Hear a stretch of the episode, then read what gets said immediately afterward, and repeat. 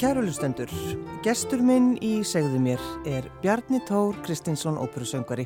Velkomin í þáttinn. Takk fyrir. Hvernig gengur að líta í eigin barm á hverjum degi? Já, þú meinar. Það getur nú verið aldrei erfitt að líti í eigin barm á hverjum degi en... en, en þú gerir það? Ég gerir það og, og við náttúrulega söngarar höfum ekkit annað að gera þessa dagana heldur en að skoða okkur sjálf, horfi í speil eða æfa okkur eða eitthvað svo leiðis. Já, já. Það er, það er ekkit, ekkit annað sem getur gert. Það er lítið annað. Já, en uh, Bjarni, við fórum að taka eftir því þegar þú varst, uh, varst, svona, þú varst fastur í Ítalið, var það ekki? Það var svona, uh, varst að æfa, hvað var það aftur sem þú varst að... Já, sko ég fór út til Ítalið um miðjan februar og við vorum að æfa nýja uppfæslu af óperu sem heitir, um, vá, hún heitir hérna... Eftir, hún heitir Pellias eftir, vá ég bara, Pellias og Melisand maður er svona, þetta er svo langt síðan að maður þarf bara líka að kíkja í síman til að Pellias og Melisand eftir Debussy. Og þetta var í óperuhúsinu í Parma. Og, og ég tók eftir því þegar ég kom til Ítalíu að þeir voru mjög strángir á sem sagt að fólk var að koma til landsins, þá voru allir hitameldir. Og þetta var áður en að allt brast á. Já. og þetta var í flöðu gegnum Þýskaland, það hefði verið þar í nokkra daga og það var ekkit svona þar. Já og ég hugsaði, já, vá, þeir eru nú ítalið eru greinilega með þetta, þeir eru að passa sig og þeir eru gerðuð það vist og svo fóruð við bara að æfa og svo einmitt einhver tíman, var það ekki einhver tíman í februar bara, lók februar sem þetta byrjaði að bresta á. Svo fóruð menn átt að segja því að frumsýningun okkar sem átt að vera miðjan massa, hún yrði líklega ekki. Og þá talaði óperan við okkur og bað okkur að æfa allavega eitthvað lengur til þess að sýningin væri klár þannig að við getum bara sínt hana þegar að þegar að, þegar að allt opnaðist aftur, kannski bara í apríli Já, einmitt, eins og fólk talaði svolítið. Nákvæmlega, allir með björnsinir og uh, síðan fengum við, ég manna við vorum með æfingu á laugadaskvöldi vorum að klára um kvöldmataleiti og æfingin gekk bara vel og þetta var fyrsta æfing á sviðinu með búningum og ljósum og öllu. Nema ekki með hljómsveit, hljómsveitin mátti ekki verið í grifjunni af því að þá sáttu þeir á nálat hverjarum og við sem sagt, uh, ég kom bara inn á, á íbúð sem ég bjó og þá þá ringdu umbóðsmaðurinn í mig og sagði heyrðu þá að loka borginni bara á miðnetti og bara ef þú hefur tækifæri pakkaðu bara dótunum þín í tösku og farðu.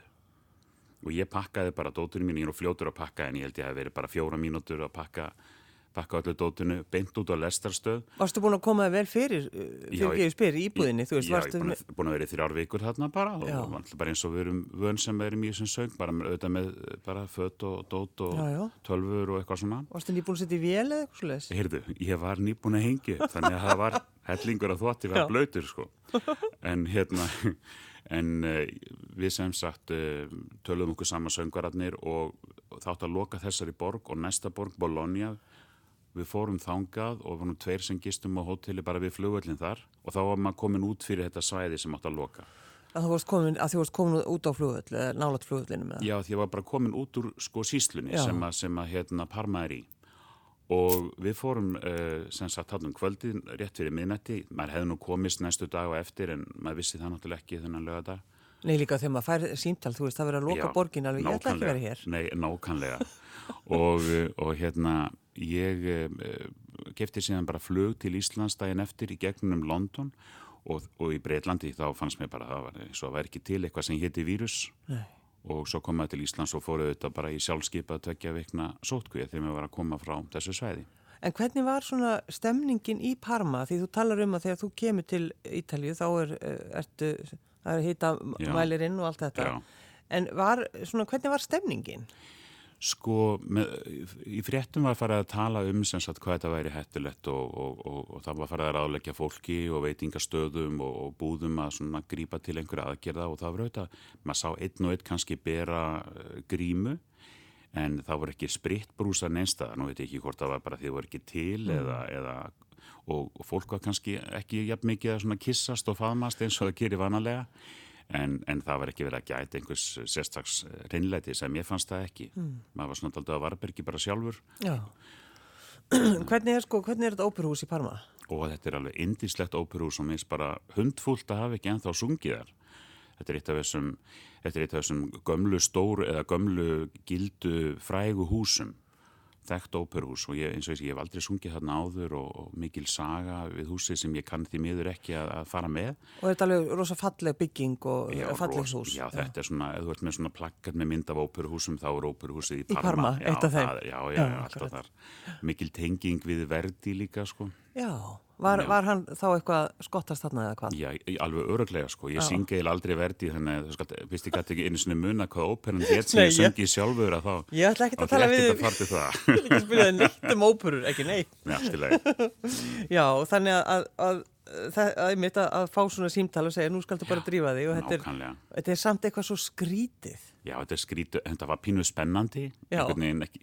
Veginn ekki, hvort gott spennandi eða vond spennandi en þetta var auðvitað, auðvitað stór skrítni, þetta voru fordæmalösir tímar sko, bara strax þá, í Já. veist, byrjun mass. Já, en til dæmis, uh, Bjarni Tór, hvað væri að gera, sko, hvað væri að fara að gera eftir tvo daga?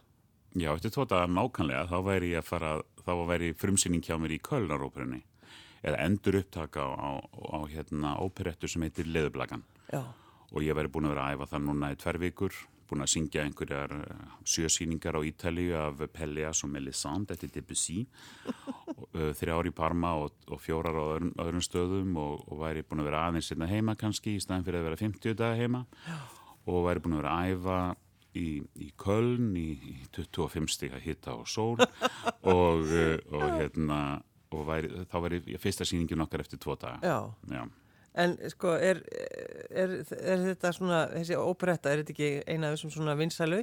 Ég bara, Jú. svona mín æskengunin, þá hugsa ég Já. bara alltaf, þú veist, þetta voru bara, þetta var bara óperettan sem var sett upp hér, er það ekki? Jú, leðublakan er vinsalasta og óperetta sem bara flutt er. Hún Já. búið- Hún er náttúrulega bara í öllum löndum líku við á, á hverju einasta ári og mjög mörg óperuhús sínana einmitt eru bara með hana í sinu föstu repertuari. Já. Oft sínd í kringum áramót líka. Já, þetta er svona einhver kátína og Þetta er svona bara farsi, þetta er algjör farsi til, til fara og ég, ég veit ekki hvað er búið að gera margar upphærslir að sérna heima. Það er ráðna nokkra. Já, Sko. einmitt, já. Og, og fegstu djúsi hlutverk? Ég, það er nú bara eitt hlutverk sem, að, sem er fyrir bassa Já, og, það er, þetta. já, og, og, hérna, og það er svona sko, uh, það er fangilsisvörðurinn Frank Já, og hann er, hann, er, hann er með svona mótspílara sem er grínhlutverk, sem er fross, sem er fyllibitta og er fangavörður. Þannig að sko, þannig að í þessu hlutverki er maður svona daldið eins og Halli í Hall og Latti. Skilur hvað ég meina. Já, maður, ég maður, svona, maður svona matar hinn á, á bröndurunum og Já, þó, þó maður sé sniður þér. og þá fær Latti allt klappi sko. Og það Já. er mjög erfitt fyrir mig, mjög aðtegli sjúkur og það er mjög erfitt fyrir mig að sætta mig við það. já, horfið svona út í salin, það er ég sem bjóð til hennar brandara. Já, nákvæmlega sko. En eins og, þú veist, Tokyo, Já. Þú hefði líka verið að fara þangað. Já, það hefði verið núna eftir, eftir þrjárvíkur. Þá varum við að byrja æfingar á, á stykki sem er nú reyndar gaman ópera eftir Wagner sem heitir Mistrasöngvarnir. Já, einmitt. Og, uh, og þetta er, þá hefði ég verið þar í einhverjar sex vikur eitthvað svo leiðis og æfingar og, og ég hef komið til Japan nokkru svona máður og þetta er í óperuhúsi sem heitir New National Theatre í Tokyo mjög skemmtilegt hús og svakalega professional allt og frábært að vera í Tókjó æðislegu matur og indislegt fólk og þannig að ég er bara mjög dapur yfir því auðvitað, og auðvitað segja allir, öll þessi óperhús, já við tökum þetta auðvitað upp setna en það verður auðvitað að ganga það verður að passa inn í dagatal hjá okkur og svona Þannig að þegar að, þeir nýri í Parma voru að tala um að, að það væri hægt að setja upp óperuna bara í, í april, þá var það kannski ekki alveg þannig í dag. Nei, það var ekki, ekki þannig sko, nú er, nú er talað um að, að hérna, taka þetta upp á næsta ári og það verður auðvitað að finna dagsetningu sem allir komast Já, og, einmitt. og ef að það gengur ekki þá kannski, einmitt, já, fyrstulega verður það kannski ekki og öðrulega þá bara kannski dettum að það er út eða einhver annar, það kemur bara ljós en þetta er, bara, þetta er bara eitthvað sem leysist. Af hverju fórst út í söngin? Já, vá, nú, nú ert að spurja stort. Já.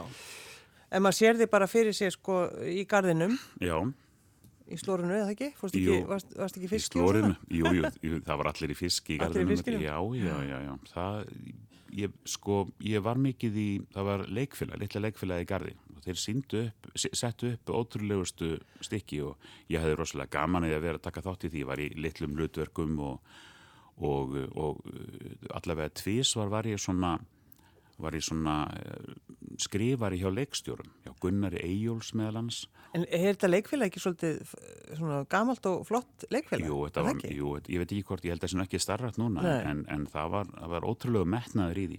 Ótrúlegustu hluti, var spanskflögum að setja á svið og piltur og stúlka og hart í bak og hana, svo var hérna nokkrir eh, sveitunga mínur og gardinu sem voru bara frábæri leikarar. Já. Og þetta var mjög skemmtilegt og, og mikið svona stemmingi kringum þetta og ég hrefst það þessu leikhúslifi Þannig að þú fórst að vinna með Gunnar Ejjólfssoni Ég fór að vinna með Gunnar Ejjólfssoni já, þrýbrotinn blíkringla og hérna og það var mjög, og ég manna að sko Gunnar bauð mér og einum öðrum minn sinni bara á síningu í þjóðlugúsið og baksviðs og upp á svið og eitthvað og þetta var bara æfintýra heimur algjör. Já.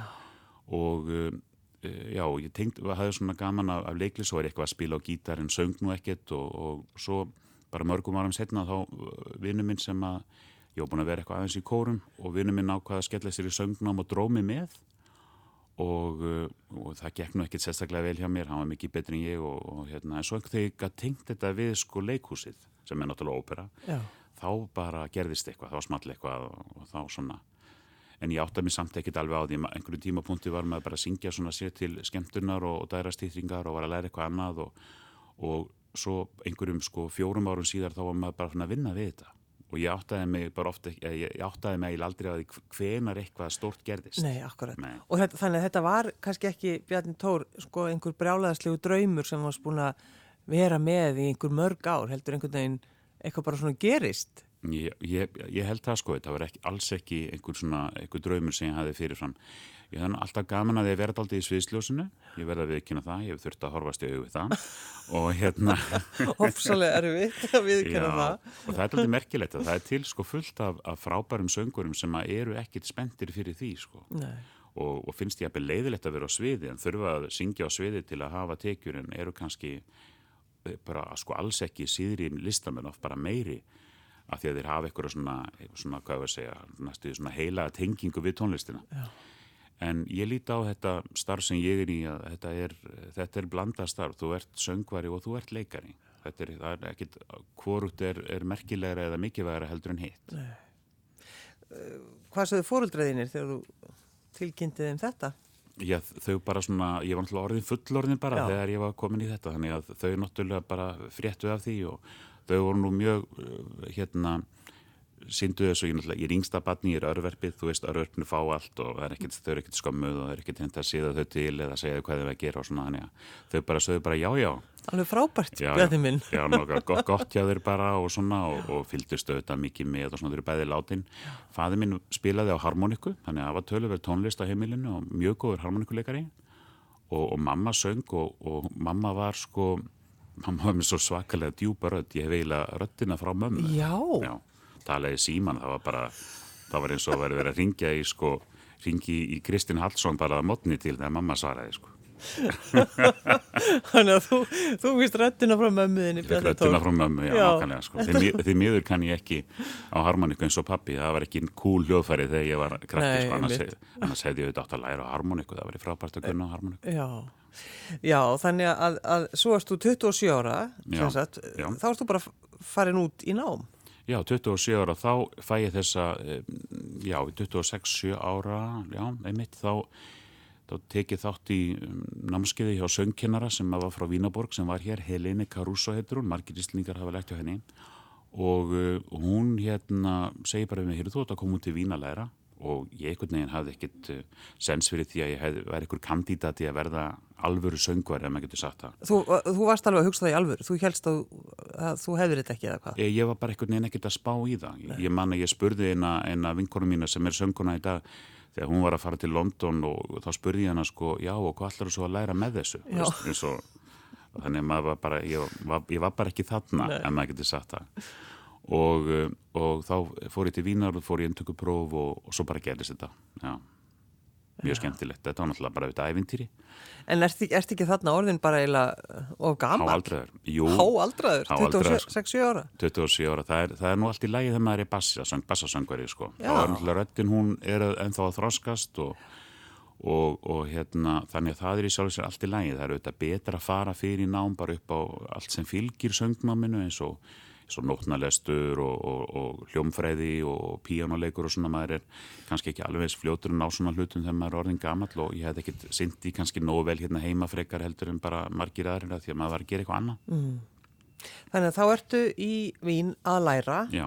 og uh, sko hvernig, hvernig var borgin við þig?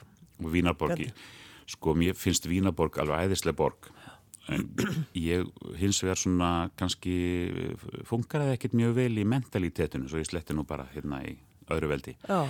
Mér finnst Vínarbor ekkert, ekkert, þetta er ekki svona samfélag sem að ég já, kunni vel við þannig séð. Það voru þetta frábært að vera óperusöngveri og listamæður í þessari borg, það voru þetta það var svona ákveðin mér forreitindastétt að vera söngværi og í Íslandi þá ortu bara svo söðlasmiður og ganta eh, klassískan söng sko, það bara býtu hvað er það aftur? En þarna, þarna er það aldrei merkilegt og maður er þetta nautest aldrei en, en sko eh, það er ekki, það er svo, mentaliteti er svo langt frá okkar svona skandinavíska opna mentaliteti. Það var svona það var svona, það hefur kannski breyst eitthvað en hérna, en borginu auðvitað og auðvitað bara frábær og ég vissi alltaf að ég myndi aldrei kannski vilja búa í Vínaborg til, til langframa en ég sakna alveg þess að ég er ekki komið til Vínar í nokkur ár og ég sakna þess alveg. Þannig að var þetta þá bara einhvern veginn eða svona hvernig fólkið er? Já, bara að ferja í búðina sko, já, að ferja í búðina sko og, og, og í grunninn, þetta er nú, nú klísja líka en þetta er samt, þetta var allavega þegar ég var ferði í búðina og sko þjónustulundin er mjög lítill mm. og, og fólk er í grunninn er það dónalett við þig. Þangar til að annað kemur í ljós, þú verður að sanna þig. Þú veist, þú borgar með 20 eurur seðli, hvað sem kostar 3 eurur og þú færð ókipis stunu frá afgriðslu konunni bara, bara með öllu og hún horfir á mann og hristir hausin og eitthvað svona og bara verður að hugsa, hvað gerði ég að mér sko en þetta er auðvitað líka klísja og svona já, já, já. en samt. Það getur ofta verið skemmtilegar. Það getur verið mjög skemmtilegar. en Bjarni Tór, svo er það, svo er það Berlín. Já, svo flutti ég til Berlínar og, og hérna bjóð þar í fimm ár, þá var ég nú byrjaður að syngja, var búin að vera þrjú ár fastaröðin í, í Vín í þjóðaróperinu þar og tvö ár, tvö eða þrjú ár, mm. var komin í lausamennsku og, og hérna gifti mig minni fyrirrandi konu og við fluttum til Berlínar og, og þá bjó ég þar en var í lausamennsku þannig ég kynntist Berlínu, Berlínu þetta alltaf minna heldur en Vín. Einhver, Já því þú varst náttúrulega alltaf á flakki. Alltaf á flakki sko. Já. Já, þekk, þekki flugvillina vel hins vegar í Berlín. Og auðvitað, jú ég söng líka slatta í, í, í ríkisóperinu þar og, og en, en, en það er öðruvísi heldur en þegar maður er namsmaður þá kynist maður borginu auðvitað mikið betur. Já, já, en Berlín er auðvitað frábær borg og, og sko mér finnst kannski borgin sjálf uh, Vín fannst mér meira spennandi og menningarlífið í Vín. Já. en ég kunni betur við fólkið í Berlín og, svona, og það var svona meiri, meiri, svona, meiri vísíni, meiri tolerans og, og ég maður það að sko Vínarbúar vinni mínu þeir vorkendi mér svakalega að vera að fara til Berlínar það var, það var allir svo dónalegir í Berlín og eitthvað og svona norðu þjóðverða þeir eru svo, þeir eru svo grófir og dónalegir og hérna frekir og svona og ég bara hugsaði hvað minn góður, ég var, var alveg þú veist bara í starttólunum að fara í í Vínargýrin þegar ég kom til Berlínar en, en það var allt annað viðmót sem vætti manni. Já, Já alltaf, það líka kannski bara nær okkar mentaliteti. Já, svolítið. En sko þetta að vera, að vera frílands, hvernig er það, er það betra? Heldur en að vera fastræði? Sko, það, betra ekki betra, það fylgjaði, uh, það fylgjaði kostir, já sem eru kostir fyrir suma og gallar fyrir aðra. Þú, uh, ég held að flestir kannski sækist aldrei í það að vera frílandsöngarar eða geta að lifa af því. Mm. Þá hefur náttúrulega meira valum verkefni og það eru betri laun, þú fæð betur borgað eða þú ert lausræðin söngari heldur en þú ert fastræðin og þú hefur einmitt meira áhrif á það og hvað þú syngur og svo er það sem er kostur og galli líka, þú ert auðvitað ferðast um heiminn en þú ert náttúrulega ekki heima hjá þér. Nei, það er auðvitað gallin líka. Og, og svo náttúrulega núna eins og ég væri mjög til ég að vera fastráðin núna einhver stað, einhverju krummasköði bara, ég veit ekki, einhver staðar í söður Belgíu eða eitthvað. Já, það er alveg frábært á, á, á litlum launum sko að syngja leðileg hlutverk því að, því að ég, núna náttúrulega sem lausræðin söngvari þá hef ég engin laun. Nei. Nei nei, en ég meina það er bara þannig með marga ekki bara einhverja söngvara. Nei, nei.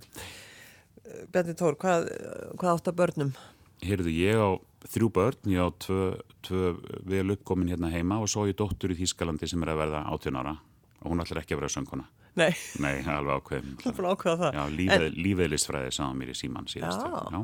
En, en hinn, hinn er krakkandeginir Er þau í músik? Nei, þau eru ekki, ekki neitt í músik sko. Ég á dóttur sem er 28 ára sem er með Down syndrom og, og hún er að vinna á venduðum vinnustad og mjög, hefur það bara mjög gott og líður mjög vel og hún er endar í, í hérna, frábærum tónlistanámi, hefur verið það í mörg ár í, í tónstofu valgerðar. Það sem að þróska eftir krakkar eru að læra á hljóðfæri og söng og, og það er alveg frábær skóli og frábært starf og, og hérna, hún er þar sem sagt og búin að vera, í, búin að, vera að læra að syngja þar í, í mörg ár sko Já. og mjög skemmtilegt og, frá, og við, við förum alltaf á jólatónleika þar og þetta eru flottustu jólatónleikanir og mjög skemmtilegt og strákurinn minn er að læra í háskólanum og hann er í tölvunarfræði þannig að ég á nú ekki vonandi að þau feti, feti hérna í mín fótspórs bara. Nei, en hvernig er það með, með bassan? Hvað hva, getur þú sungið alveg bara það til yfir líkur? Já, það eru mörg dæmið um það að bassar syngi bara þonga til að þeir bara þángar til þið bara Svo hlægi bara. Já, hlæriðu bara, þángar til þið nenn ekki lengur sko. Og það er kannski tvent uh, tvent trend sem að skiptir þar máli. Bassaröttin er auðvitað mjög nála talröttinni meðan tenoröttin er, er í flestum tilvökum til dæmis og sopranröttinnar eru langt frá talröttinni þannig að þegar þú ert að syngja þá verður að já, kannski bú eitthvað til sem að er ekki eh, þér náttúrulegt. Og þar að leiðandi þá eh, eldust við vel með þessari rött Svo eru mörg hlutverk í, í bassarepertoarnu sem er bara fínt að vera aldrei gamal. Þú ert eitthvað gamal prestur eða þú ert kongur eða eitthvað svo leiðis og meðan einmitt gamla klísjan auðvitað tenorötnið er alltaf elskuðar og þó svo þessi kannski auðvitað, við höfum ekki verið með fordóma og það sé allt í lagi að hafa einhvern 60 tenor syngjandi ungan elskuða, þá getur það stundum verið ótrúverðugt og ég held að þetta tvent sé nú svona kannski það helsta. Og það er meira að segja basta hlutur til það sem er bara gott ef að röttin er aðeins svona að gefa sig. Já. það verður bara meira trúverðut já, já, einhverju gamli föskar og svona þá syngur það ekki, ég veinu svona ég hef nokkur sem sungið svona hlutverk svona þar sem ég næstu þurft að reyna að elda röttina það hljómaði bara allt of ungur og, og söng allt of fallega sko. Það er enda liðin til núna ég, Já, þú komin á þann aldur. Ég er komin á þann aldur, það er ekki að leika þannig lengur. Nei, En Bjarni Tór, þegar þú, þegar þú lokaðið inni eh, eftir Ítalíu Ítalíu dvöluna eh, eða þegar þú hérna, stakst af. Já, nákvæmlega. Þá ákvæmstu náttúrulega bara eins og fólk gerir að loka þið af í tvær vikur. Já ég, ég, það var náttúrulega bara, það voru tilmæli sem við fengum tilmæli, já, auðvitað, já, og auðvitað. bara auðvitað við Íslandingar hlýðum svona tilmæli með auðvitað, sem betur fyrr, annars væri við ekki komið það sem við erum núna. Nei, og, og hvernig áttu það við þig að vera inni lokaður? Sko það átti alls ekkit illa við mig og það, við vorum nú að tala um þetta um daginn, ég og, og vinnu minn sem er líka óperusengari í lausamennsku, að við erum náttúrulega vanir því að vera einhver staðar út í heimi bara í einhverju íbúð eða einhverju hóteli og þurfa svona að hafa ofanað fyrir mm. okkur þó við séum auðvitað kannski í vinnu og, og hérna og við erum að koma kannski í dagar sem við erum ekki að vinna og maður getur auðvitað að farið út og skoða hitt og þetta og, og við erum vanir því að vera einhver starf á ferðalagi og, einhver, og svona bara innveran einhvern veginn. Já, innveran er mitt, maður er svona flinkur að taka stáfi hana. Og kosturinn kannski í þetta skipti var það að maður var í dótinu sínu í staðan fyrir að vera bara með einhver 20 kíló af fötum og kannski tvær bækur eða eitthvað og þannig að það er, mér fannst, mér fannst sko, hérna, mér fannst þetta alls ekki derfitt. Nei. Nei. En það sem þú gerðir að, að þú fóst að, að skrifa dagbók? Já, ég hérna, ég hérna bara skrif, þetta byrjaði bara þannig, ég skrifaði einhvern, einhvern status á, á hérna fjersbókarvekkin hjá mér eftir fyrsta daginn og skrifaði bara dagur eitt í sótt kví oh. og var eitthvað svona veltaði þessu upp að nú þurftum að fóra sér einhverja vinnu og eitthvað svona og lalala og og vini mínu þeir auðvitað vorkendu mér og sagðu ó þetta er svo sniðut hjá þér og þetta er svo skemmtilegur og hjarta og putti upp og eitthvað svona og ég var hlátur kallar eitthvað svona og ég bara já ég er auðvitað frábær penni og þannig ég held bara áfram að skrifa Ég er alveg frábær. Já, Ég er frábær sko og hérna vinirni held auðvitað bara áfram í meðvirkninni já þetta er aðeinslega fínt hjá þér sko. Þetta var svona held ég samtaldið eins og hérna sko COVID-kurvan sko. Þetta var svona upp og, og hérna og svo, svo, var, svo var það var að draga kurvuna aðeins niður svona þegar fór að líða á þetta. En, en ég var auðvitað að reyna að finna mér eitthvað að gera og, og, og, og það er auðvitað, þú getur syngur auðvitað lítið, ég held að það er ekki, ég næ ekkit mörgum hlustendum á sölunum hjá mér, það sem ég bý í fjölbílisúsi í Garðabænum. Þannig að, að, þannig að ein leið var kannski að, að, að reyna í spjallinu að vera svona veltaði fyrir sig hvað maður geti fengið að gera. Mm. og var svona grínast með það, kannski mynduðu nú heyra í mér hjá hjá Storytel og ráða mig bara í að lesa bækur, ég var náttúrulega með svo frábæra frábæra rött og eitthvað svona og hérna svo auðvitað hafði engin samband frá Storytel þannig að ég eftir viku þá ringdi ég bara sjálfur og sagði já já, heru, ég er hérna búin að skrifa dagbók í viku, vil ég ekki bara gefa hún út á Storytel? Og, uh, og þeir kiftu bara þessa hugmynd að hérna ég les bara, eða las dagbókina mína inn viku í einu og uh, fyrst var ég með hann alltaf skrifað á Facebook og, og, og las hann svo bara inn og sett hann á netið eða sett hann á vefin hjá þeim og svo einhver tíman að þá hætti ég að, að hérna, skrifa hana á Facebookina til þess að beina fólki til þess að hlusta á upptökuna og þetta eru orðna núna sjö vikur sem ég er búin að lesa 50 dagar 50 dagar? 50 dagar, já. já Og ertu sko, er þetta einhver sjálfskoðun? Já, þetta er sko, ég er náttúrulega eh, við höfum þess að þörf kannski við sem erum vöna að standa á sviðinu þetta er einhver aðtiklisstörf, einhver svona aðtiklis ég myndi ekki segja síki en svona að vilja auðvitað og svo er eitthvað svona kreativitet sem að vil koma í einhvern farveg. Mm. Og, uh, og hérna það er auðvitað mjög freistandi að gera grína fólkin í kringun sig og Trump og eitthvað svona og hinn og þessu og hafa einhverju skoðanir og svona, maður sér það náttúrulega bara daglega og maður tekur þátt í því en, en ég held að þessi hverjum hennu holdt að gera alltaf skoðun á sjálfum sér og, og gera alltaf grína sjálfum sér. Og ég fór svona daldið í það, það var svona daldið ómeðvitað. Þá fór ég svona að hérna, já, já, best að vera bara hreinskilin með þetta. Auðvitað er ég bara að skrifa þetta því að ég er að reyna að fá fólk til þess að hlæja eða vera sniður eða skemmtilegur og, og svo fyrir maður að skoða svona í fortíðin og review eitthvað og svona. Og það er bara verið mjög skemmtilegt en, og, og líka kannski mjög gaglegt ég vonandi verið bættur maður og eftir Og ert alveg sko eftir, að því svona sjálfskoðun hún getur náttúrulega verið bara svolítið töf eða ertu í alvöru sjálfskoðun eða ertu bara svona Ég myndstu það, ég bara veit það ekki sko, maður viti það bara, bara aldrei sjálfur sko, auðvitað kannski auðvitað kannski sko maður er eittstýri því sem maður segir og skrifar auðvitað en, en mér finnst ég alltaf að vera mjög heiðalegur ég er að koma fram með alls konar svona en það er bara ekkert, það er ekkert eitthvað gerst í mínu lífi eitthvað svolítið sem er svona ég meina bara það að viðkynna það að sé pínlítið aðtikli sjúkur, það er bara stórt skref. Já, já. Já, ég er aðtikli sjúkur það er bara svona fund það er svona eins og AA-fund setja tólmanns í ring og eitthvað svona og eina sem er að kemst engin að það breyt sem talar allt kvöldið ég er aðtikli sjúkur ég er aðtikli sjúkur og hinn er bara, hvernig kemst ég að já, þetta er náttúrulega svolítið, svolítið, svolítið skemmtilegt og, og þetta er mitt að geta gert grína sjálfur sér. Hefur þú alltaf verið þannig, Bjarni Tór? Nei, ég hef alls ekki verið þannig. Ég er mjög viðkvæmið fyrir stríðina og ég held ég sé það ennþá. Þetta sé kannski, er þetta leið til þess að reyna að hérna, slá opnir úr höndum þeirra, þeirra sem að gera grína mér. Ég hef alltaf verið viðkvæmið fyrir stríðinni, bara frá því að ég var lítill. Já, og það, já, já, það er náttúrulega hlut af sjálfskoðunni að átta sig á því. En, en, og mannstaflega eftir því þú varst yngri, hvað, hvaða fór í þig þegar það var að vera að stríða þér? Já, ég bara, sko, það var, ég var bara alltaf bráður og, og þú veist þannig að það var auðvitað bara það var alltaf maður ólst upp í litlu samfélagi og, og, og það var bara skemmtilegt að stríða þú veist þeim sem var örður reyðir ég var, bara, ég var bara mjög reyður alltaf mjög svona bráður Bre Varstu brjálaður? Nei, svona ég náði ekki að halda kúlinu kannski en ég, ég hérna, brauti ekkert á bramlaði en, en hérna, en var svona síndið, þú veist, maður gæti ekki haldið andlitinu. Ja, ekki halda kúlinu? Ekki halda kúlinu, sko, nei. Já. Þá, það er einmitt, eh, þá skemmtir fólksísvaldið, það er svolítið, svolítið spes.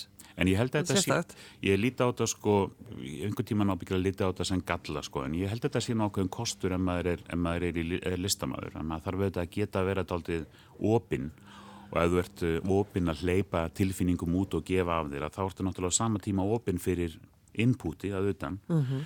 og ég held að þetta sé bara hluti af því, af öllu því sko. Já, já, og svo ertu, ertu ekki, þú ert nú aðeins farin að útvíka þetta, dagbókina, mm. farin að fá gesti?